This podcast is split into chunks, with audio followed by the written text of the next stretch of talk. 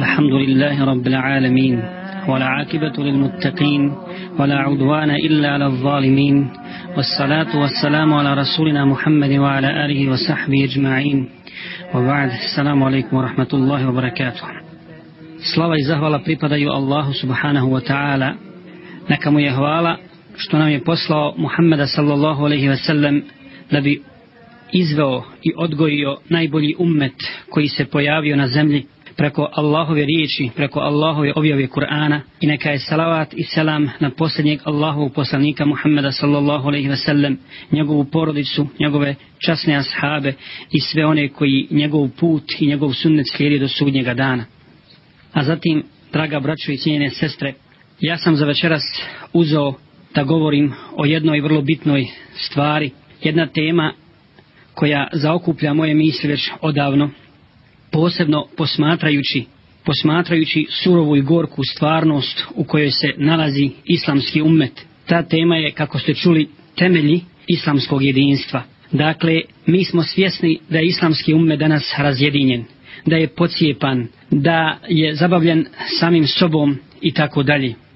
Međutim, rijetko kad čujemo alternativu koju neko nudi, a Allah subhanahu wa ta'ala u svojoj knjizi i poslanik sallallahu alaihi wa sallam u svome sunnetu su ostavili alternativu o kojoj ćemo mi večeras govoriti. Znajte, braćo i sestre, da je jedinstvo ummeta zahtjev šerijata i jedna od obaveza sa kojom nas je zadužio uzvišeni Allah subhanahu wa ta'ala kada je objavio A'udhu billahi minash shaitanir rajim, bismillahir rahmanir rahim.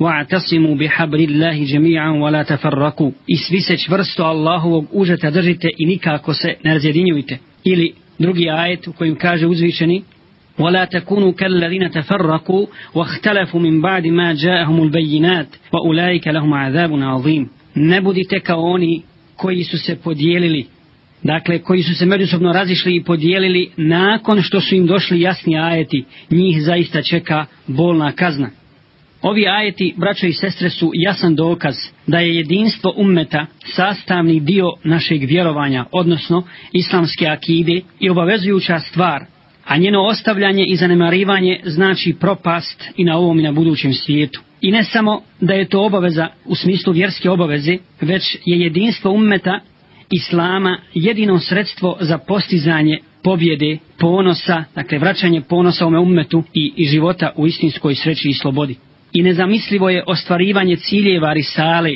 dakle, s kojom je došao Muhammed sallallahu alaihi ve sellem, bez uspostave jedinstva na osnovu te risale, odnosno na osnovu Kur'ana, jer cilj objave Kur'ana jeste njeno dostavljanje ljudima, dostavljanje ljudima islama, pozivanje ljudi u islam, iznošenje jasnih i nepobitnih dokaza pred ljude, da ne bi imali dokaza sutra na sudnjem danu pred Allahom Đelešanuhu da nisu znali i da nisu pozivani. Zatim cilj ove risale jeste vođenje džihada da bi Allahova riječ bila gornja i mnogi drugi ciljevi. A sve ove ciljeve je nemoguće ostvariti, braćo i sestre, u atmosferi opće podijeljenosti, razilaženja, rasipkanosti islamskog ummeta, u vremenu kada je ummet i njegovi sinovi zabavljeni sami sobom, međusobnim razmiricama, svađama, podjelama, sukobima i tako dalje. Mi smo svjedoci da je stvarnost ummeta u potpunoj suprotnosti zahtjevima Kur'ana i sunneta i da se ummet Islama već davno podijelio prije svega akaidski, dakle na akaidskoj osnovi, na temeljima akide koja je jedna,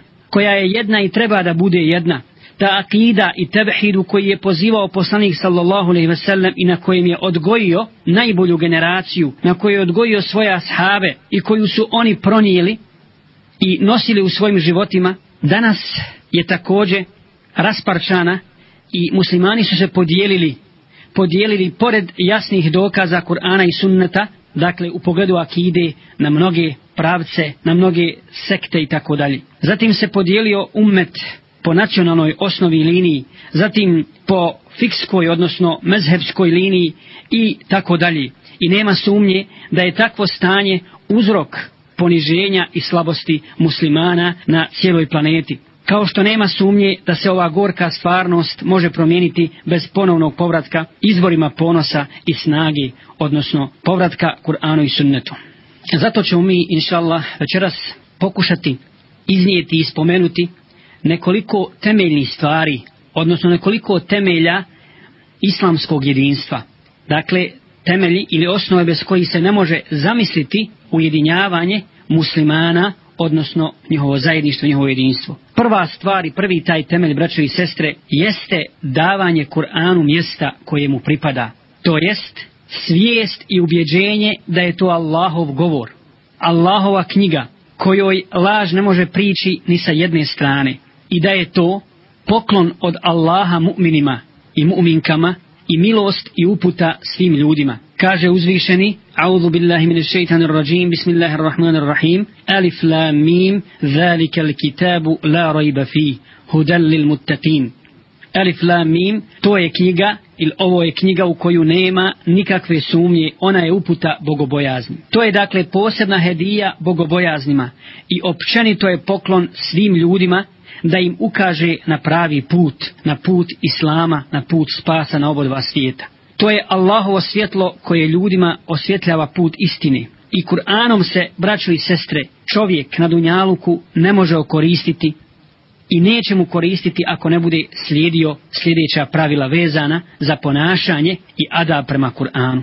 Prvo, njegovo prihvatanje u potpunosti i radost zbog njega odnosno zbog slijedjenja Kur'ana i otvaranje srca u potpunosti za Kur'an i znanje da je to najveća blagodat, dakle znanje i svijest da je to najveća blagodat od Allaha subhanahu wa ta'ala data čovjeku. Kaže uzvišeni, A'udhu billahi mine shaitanir rajim, bismillahirrahmanirrahim, wa idha ma unzilat suratun fa minhum man yakulu ayyukum zadathu hadhihi imana.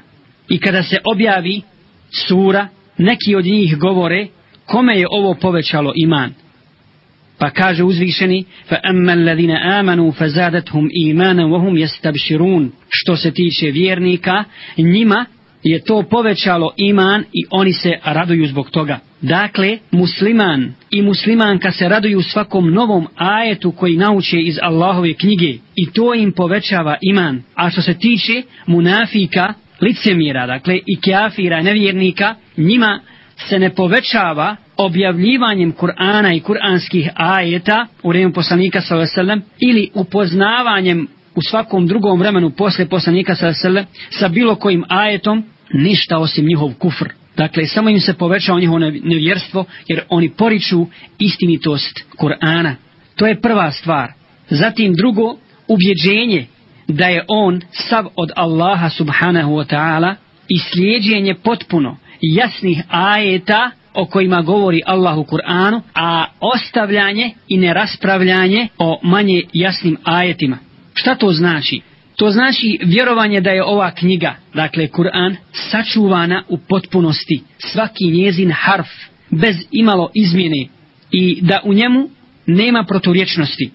Kaže uzvišeni, وَتَمَّتْ كَلِمَةُ رَبِّكَ صِدْقًا وَعَدْلًا I Allahova riječ je vrhunac istine i pravde. Dakle, to je put istinskih mumina i onih koji su upućeni u znanje, ar-rasihuna fil ilm, kako kaže uzvišeni, da potpuno predano slijede muhkem ajete, dakle one ajete koji su jasni, a Allah kaže da su oni majka knjige, da su oni većina Kur'ana i sve ono što se odnosi na čovjekov život, na njegov odnos prema Allahu, na ibadete, na propise, ti ajeti su jasni ko dan i njih treba svaki vjernik i svaka vjernica da slijede i da ih izvršavaju njihove naredbe, a da se klone tih zabrana koji ima stoje. A ostavljanje mutešavih, odnosno manje jasnih ajeta. Dakle, to je akida onih koji su u znanje upućeni i istinski bogobojaznih ljudi.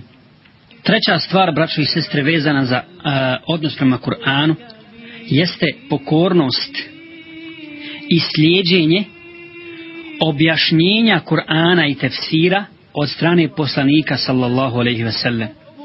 Dakle, to je jedno od temeljnih pravila islamske akide i put ka jedinstvu islamskog ummeta i bez toga se ne može ni zamisliti, niti se može sanjati o jedinstvu islamskog ummeta, odnosno muslimana. Jer jedina osoba koja je bila nepogrešiva i koja je sačuvana od pogreške u pogledu dostavljanja i objašnjavanja Kur'ana jeste Muhammed sallallahu alejhi ve sellem. Kako je rekao imam Malik, svako od ljudi potrefi i pogriješi kad je u pitanju dakle tumačenje Kur'ana i sunneta, odnosno Kur'ana prije svega, osim vlasnika ovoga kabra, pokazujući na kabr poslanika Muhammeda sallallahu alaihi ve sellem. Dakle, njega je Allah sačuvao grešaka u tom pogledu. Kaže uzvišeni, وَأَنزَلْنَا إِلَيْكَ الذِّكْرَ لِتُبَيِّنَ لِلنَّاسِ مَا نَزَّلَ إِلَيْهِمْ وَلَعَلَّهُمْ يَتَفَكَّرُونَ Sura Nahl 44. ajet. I mi tebi objavljujemo zikr, odnosno Kur'an, da bi ti objasnio ljudima ono što im se objavljuje. Ne bili oni razmislili, razmislili o tome. Poslanik sallallahu alejhi ve sellem je objasnio Kur'an svojim sunnetom, a u sunnet se ubraja njegova riječ, njegovo djelo i prečutno odobravanje. Zatim njegov ahlak sallallahu alejhi ve sellem i svojstva bili su u stvari primjena Kur'ana u praksi. I na kraju, sav život poslanika Muhammeda sallallahu alejhi ve sellem je praktični primjer življenja, življenja po Kur'anu. Zatim, četvrta stvar jeste izvlačenje propisa na osnovu dokaza treba prepustiti ulemi.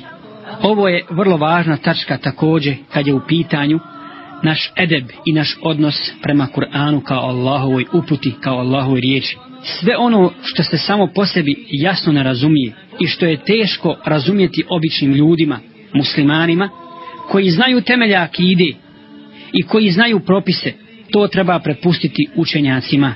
Kaže uzvišeni, fas'alu أَهْلَ dhikri in kuntum la ta'lamun. Pitajte učene ako vi ne znate. Sura Anbiya 7. ajet.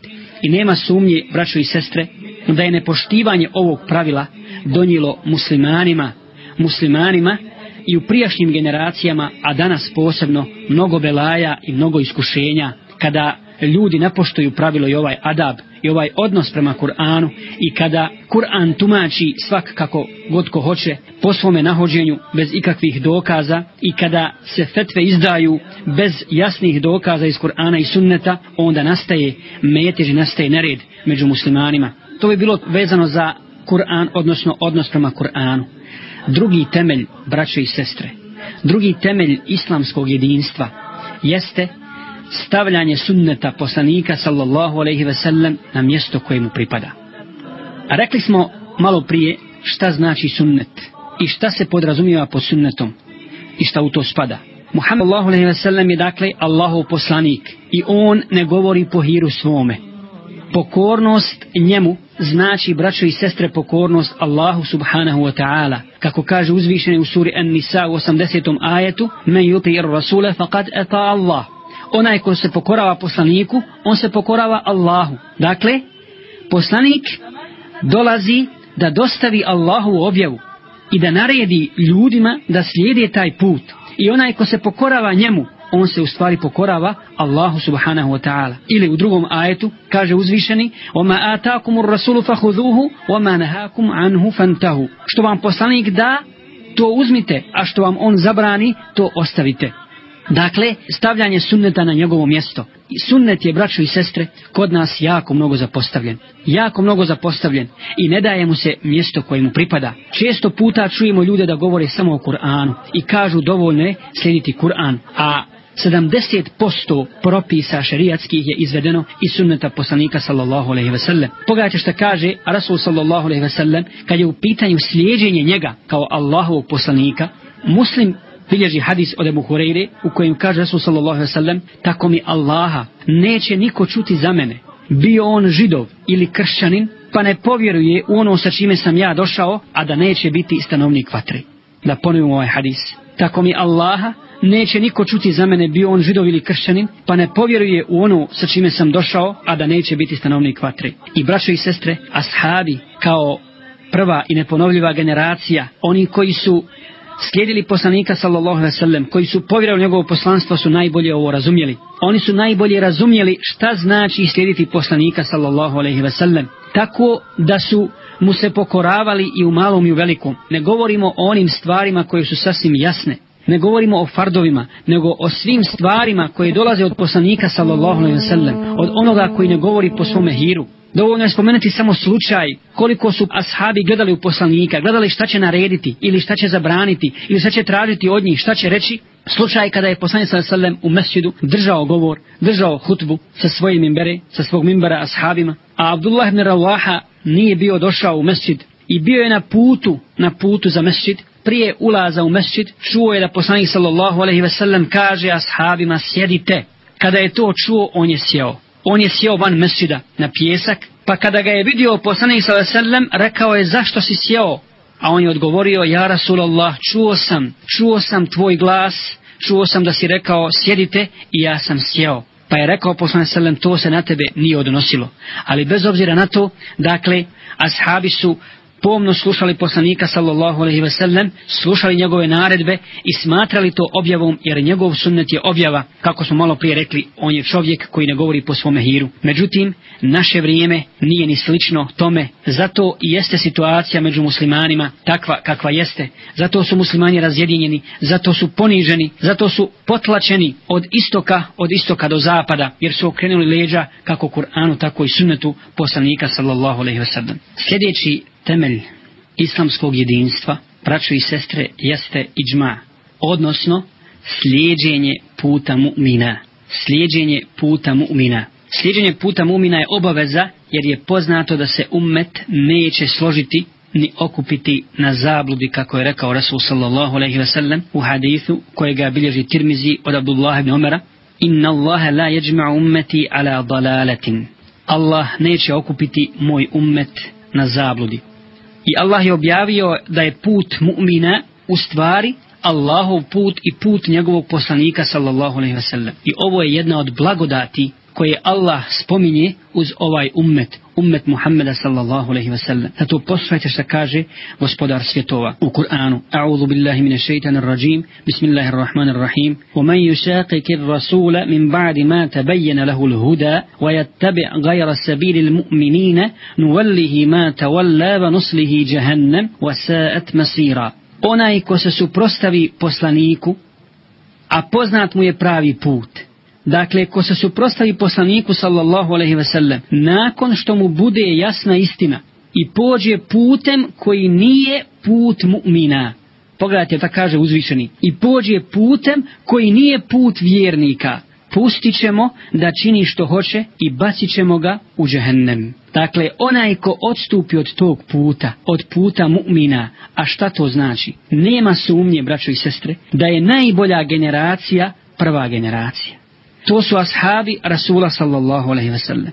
I Allah je pohvalio u mnogim ajetima u Kur'anu, a poslanik sallallahu alaihi ve sellem posebno u svojim hadisima, mnogorovnim hadisima, i nama je obaveza slijediti njih u razumijevanju i prakticiranju vjere, a posebno u razumijevanju akide. Oni su najbolje razumijeli Kur'an i sunnet poslanika sallallahu alaihi sellem. Oni su gledali poslanika dok mu je dolazila objava. Oni su slušali poslanika sallallahu kada je objašnjavao propise Islama. Sa njim učestvovali zajedno u ibadetima, u izvršavanju mnogih, mnogih islamskih propisa. I daleko su najviše znali o Islamu. Bili najbolji mufassiri muhaddisi fakihi i tako dalje. Zato je obaveza muslimanima do sudnjega dana da slijede stazu ashaba Rasula sallallahu alaihi ve sellem i da razumijevaju vjeru odnosno Kur'an onako kako su oni razumjeli Kur'an i sunnet poslanika sallallahu alaihi ve sellem i da prakticiraju islam i islamske propise onako kako su to oni radili i kako su to oni činili. I to u stvari bi značilo taj iđma, odnosno slijedženje, slijedženje puta mu'mina. Sljedeća stvar jeste iskrenost u ispovjedanju vjere samo Allahu i udaljenost od međusobne mržnje, neprijateljstva, zavidnosti i slijedženja strasti. To je dakle sljedeći temelj i osnov za jedinstvo muslimana. To je dakle temelj za primanje dijela, govorimo o iskrenosti, koju smo prvo spomenuli da bi Allah primio djela, odnosno da bi čovjeku bila primjena njegova dobra djela, njegov ibadet, sva njegova djela moraju biti urađena i učinjena isključivo u ime Allaha subhanahu wa ta'ala. Kako kaže uzvišenim suri Zumar u 11. ajetu, Kul inni umirtu an a'budallaha muhlisan lahu dini. Reci, meni je naređeno da obožavam, odnosno da ibadet činim Allahu iskreno, dakle da moja vjera, odnosno moj ibadet bude samo u ime Allaha subhanahu wa ta'ala i samo njemu. I bez iskrenosti prema Allahu, braćo i sestre, nema ni pravednosti, niti ispravnog odnosa prema ljudima. Dakle, čovjek koji se istinski ne boji Allaha i koji ne radi dobra djela radi Allahovog zadovoljstva, ne može imati ispravan odnos ni prema ljudima. Kaže uzvišeni, A'udhu billahi mine šeitanir rajim, bismillahirrahmanirrahim, Ja ejuha alladhina amanu, kunu qawwamina lillahi šuhada bil qist, ولا يجرمنكم شنآن قوم على ألا تعدلوا اعدلوا هو أقرب للتقوى u suri Maide, u osmom ajetu, kaže uzvišenom prevodu značenja, o vjernici, budite, dužnost prema Allahu izvršavajte i pravednost svjedočite. I neka vas mržnja koju prema nekome osjećate ne navede da nepravedni budete. Pravedni budite, to je najbliže bogobojaznosti.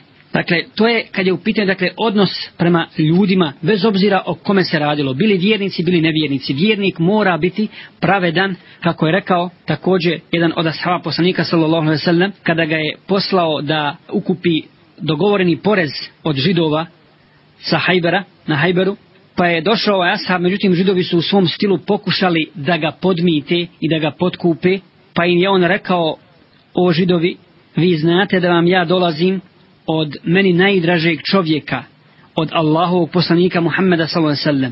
I znate da ste mi vi najmrža stvorenja na Dunjaluku. Ali i pored toga, dakle, pored moje ljubavi prema poslaniku i moje mržnje prema vama, zato što ste nevjernici i što odbijate da prihvatate poslanika i da ga slijedite iako znate da je on Allahov poslanik, to me neće navesti da budem nepravedan prema vama.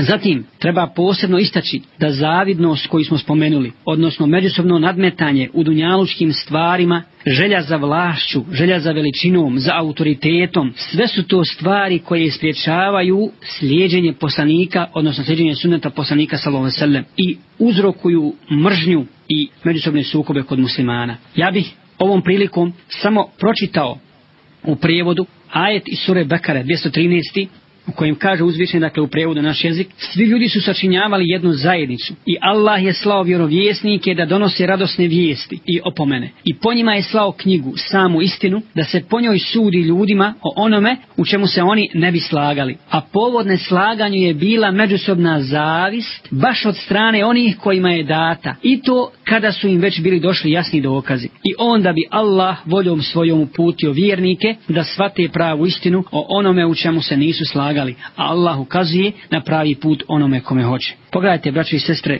pouke i ibreta za sve ljude koji hoće da razmišljaju o Allahovoj istini i o našim međusobnim odnosima, dakle odnosima među vjernicima, šta čini zavidnost? Zašto su se razišli oni prije nas? Jesu li zbog toga što im Allahova knjiga nije bila jasna? Zbog toga što nisu razumjeli Allahovu objavu? Ne tako mi Allah. Nisu radi toga. A razišli su se zbog mržnje i zavisti, a ne zato što Allahova knjiga nije bila jasna, pa nisu znali koji put da uzmu. Jer poslanike Allah slao sa jasnom istinom koji je mogao razumjeti svaki čovjek, svaki pametan i normalan čovjek. Na ovu stvar upućuje i upozorava poslanik sallallahu alejhi ve sellem, govoreći da će bez obzira na sve dakle u ovome ummetu stalno biti skupina, skupina ljudi koji neće dozvoliti da ih šeitan zavede preko zavidnosti, preko mržnje, preko bilo kakvih dunjalučkih ciljeva, a da ostavi Allahovu istinu. Oni će stalno druge upozoravati na to i druge pozivati, a sami će biti živi primjeri slijedženja Allahove upute. U hadisu koji ga bilježi muslim od Thaubana, radijallahu ta'ala, kaže poslanik sallallahu sallam, neprestano će u mome ummetu biti skupina koja će biti na istini i neće im nauditi ništa oni koji se budu njima suprostavljali i oni će ostati tako sve do, sve do sudnjega dana. Da bismo još bolje upozorili svi u nas na pogubnost zavidnosti među muslimanima i pohlepe, spomenut ćemo hadis poslanika s.a.v. u kojem kaže dva gladna vuka koja upadnu u stado ovaca neće napraviti veću štetu od štete koju napravi pohlepa ljudska za imetkom i vlašću njegovoj vjeri. Dakle, pogledajte kako je poslanik sa selem upozorio svi u nas. Nema toga među nama kojega šeitan ne zavodi i ne zavarava i ne pokušava odvesti s pravog puta preko ovih loših osobina i loših svojstava. Dva gladna vuka neće napraviti veću štetu kad upadnu u stado, a znamo šta mogu napraviti, od štete koju će napraviti pohlepa čovjekovoj vjeri, dakle njegovoj akidi, njegovom tevhidu, njegovom ihlasu, iskrenosti, od pohlepe ljudske za imetkom i za vlašću, odnosno za ugledom. I ništa drugo nije podijelilo prije svega učenjake Islama, braćo i sestre, ja bih tako rekao, a onda sve ostale osim ove pohlepe. A također je podijelilo ummet i unijelo pometnju i nered radi toga. Kada su islamski učenjaci, kako je rekao jedan od njih, Abu Hazim, rekao je, kada su ljudi vidjeli da ilm, da poznavanje Kur'ana i sunneta donosi ugled i pribavlja autoritet i približava vladarima, onda su pohitali mnogi da uče znanje kako bi se dodvorili vladarima i kako bi imali ugled u narodu. I onda ne bojeći se istinska Allaha subhanahu wa ta'ala, već želeći da ostvare svoj dunjalučki cilj i svoj san o kojem maštaju, krijući to od ljudi, dakle krijući svoj nijet, a Allah zna njihove nijete i Allah zna naše nijete što nosimo u našim prsima, zbog čega učimo znanje, zbog čega učimo islam, zbog čega ga prenosimo i tako dalje, zbog čega se trudimo i mučimo, a taj nijet će također se pokazati u našoj praksi i otkriće se ono što smo krili. Zato kaže poslan sallam u drugom hadisu, najviše čega se bojim za svoj ummet jeste munafika spretnog jezika. Dakle, munafika, licemjera, koji je samo riječima izgovorio šehadet, a u srcu krije kufr i negira Allahovu istinu s kojom je došao poslanik sallam, ali je spretan na jeziku, sposoban da govori i sposoban da zbog toga obmanjuje mase peta stvar, odnosno peti temelj muslimanskog jedinstva braćo i sestre jeste poštivanje pravila islamskog bratstva i praktična primjena, praktična primjena tih pravila. Ja bih slobodno rekao ovdje da je jedan od najvećih uzroka slabih bratskih veza među muslimanima danas jeste nepoznavanje adaba islamskog bratstva i njihovo izvršavanje, odnosno njihovo neizvršavanje, iako su objašnjeni i u Kur'anu i sunnetu poslanika sallallahu alaihi wasallam. I možemo slobodno reći, braćo i sestre, da ne postoji narod, niti vjera, da se može pohvaliti sa nekom svojom baštinom i zaostavštinom u pogledu principa bratstva i međusobnog pomaganja i saradnje kao što je to islam. I ne samo to, već je Islam došao da izgradi zdravo društvo na zdravim temeljima i da čuva to društvo od svih devijacija od svih, i od svih skretanja. A radi toga je Allah subhanahu wa ta'ala naredio ljubav među muslimanima i učinio je to putem približavanja njemu, subhanallah. Znači ljubav u ime Allaha subhanahu wa ta'ala među braćom i sestrama, među muslimanima i muslimankama je ono što približava Allahu subhanahu wa ta'ala. I obećao je Allah nagradu onome ko bude poštivao te adabe koji vode jačanju bratskih veza. A ti adaba ima mnogo, kao što je širenje selama, kao što je dijeljenje hrane, kao što je zijaret. O svim ovim stvarima postoje mnogobrojni hadisi i o vrijednosti ovih adaba, zatim ugošćavanje gosta, zatim pokazivanje samilosti prema muslimanu, pokrivanje sramote, muslimanu ili muslimanki, zatim pristizanje u pomoć u svakoj situaciji kada mu zatreba, zatim obilazak kad se razboli, saosjećanje sa njim u žalosti i dijeljenje sa njim radosti, nasihat bratu ili sestri na najljepši mogući način i mnoge druge stvari. I mnoge druge stvari. Koliko samo hadisa ima i svaka ova stvar koju smo spomenuli, svaki ovaj adab je tema za sebe. Toliko ima hadisa poslanika sa selme koji upozoravaju na vrijednosti ovih adaba. Pored toga, Allah subhanahu wa ta'ala je onome ko prekine vezu ili ko nasilje učini muslimanu objavio rat. Objavio rat i obećao mu bolnu patnju. Kaže poslanik sallallahu alaihi ve sellem, odnosno spominje hadisi kudsi u kojem kaže Allah subhanahu wa ta'ala Man aada li walijen faqad adantuhu lil harb. Onaj ko neprijateljuje i ko se bori protiv mog prijatelja, odnosno protiv mog evlije, a evlija je po učenju ehli sunnata vel džemaata, svaki musliman i muslimanka koji se pokoravaju Allahu subhanahu wa ta'ala, koji izvršavaju njegove naredbe, a ostavljaju njegove zabrane, ja sam objavio rat. Ili hadisi kuci koji bliži muslim, u kojem kaže poslanik sallallahu alejhi ve sellem reći će Allah na sudnjem danu sine Ademov razbolio sam se a ti me nisi posjetio. Pa će on reći ja rab kako da te posjetim kad si ti gospodar svjetova? A onda će mu Allah reći zar nisi znao da je taj taj moj rob bio bolestan pa ga ti nisi obišao? A da si ga obišao našao bi mene kod njega odnosno ja bi spustio svoju milost na tebe i nagradio te zbog toga. Ovo je malo duži hadis pa se spomeni dalje čovjek koji je bio gladan pa ga nisi obišao, nisi ga nahranio, žedan, pa ga nisi napojio i tako dalje. Sve su to stvari koje donose Allahovo zadovoljstvo i Allahovu nagradu, a ako se ne izvršavaju, Allahovu srđbu i kaznu. I ne samo to, braćo i sestre, nego moramo znati da nema vjere bez bratstva. Nema imana, nema istinskog vjerovanja bez bratstva. Kaže poslanik sallallahu alejhi ve sellem: "Nećete ući u džennet dok ne budete vjerovali, a nećete vjerovati dok se ne budete međusobno voljeli." Dakle, nećete ući u džennet dok ne budete vjerovali, a nećete vjerovati dok se ne budete međusobno voljeli. Ovaj hadis bilježi muslim. Međutim, mi smo svjesni koliko su danas ove bratske veze nestabilne i slabe među muslimanima i radi toga i može napadati i na istoku i na zapadu kogod hoće, kogod hoće i zato su se nevjernici i okomili na muslimane zbog ovih naših slabih veza, zbog toga što nas više ne veže ova imanska veza koja je vezala sahabe Rasula sallallahu alaihi ve sellem, nego neke druge veze koje nisu ni blizu tako jake i koje prestaju u stvari neki dunjalučki interesi koji prestaju i veze koje prestaju kad nestane toga interesa. Zadnji temelj islamskog jedinstva koji ja večeras želim spomenuti i naglasiti jeste podizanje zastave džihada radi uzdizanja Allahove vjere. Pod ovim se misli, braćo i sestre, dakle prije svega na džihad kao obavezu muslimana i mislim ovdje na džihad u džematu, odnosno džihad svih muslimana koji vole Allaha, njegovog poslanika sallallahu alejhi ve sellem, jer je cilj džihada prenošenje Allahove istine i otklanjanje ili uklanjanje prepreka na putu, na putu dave.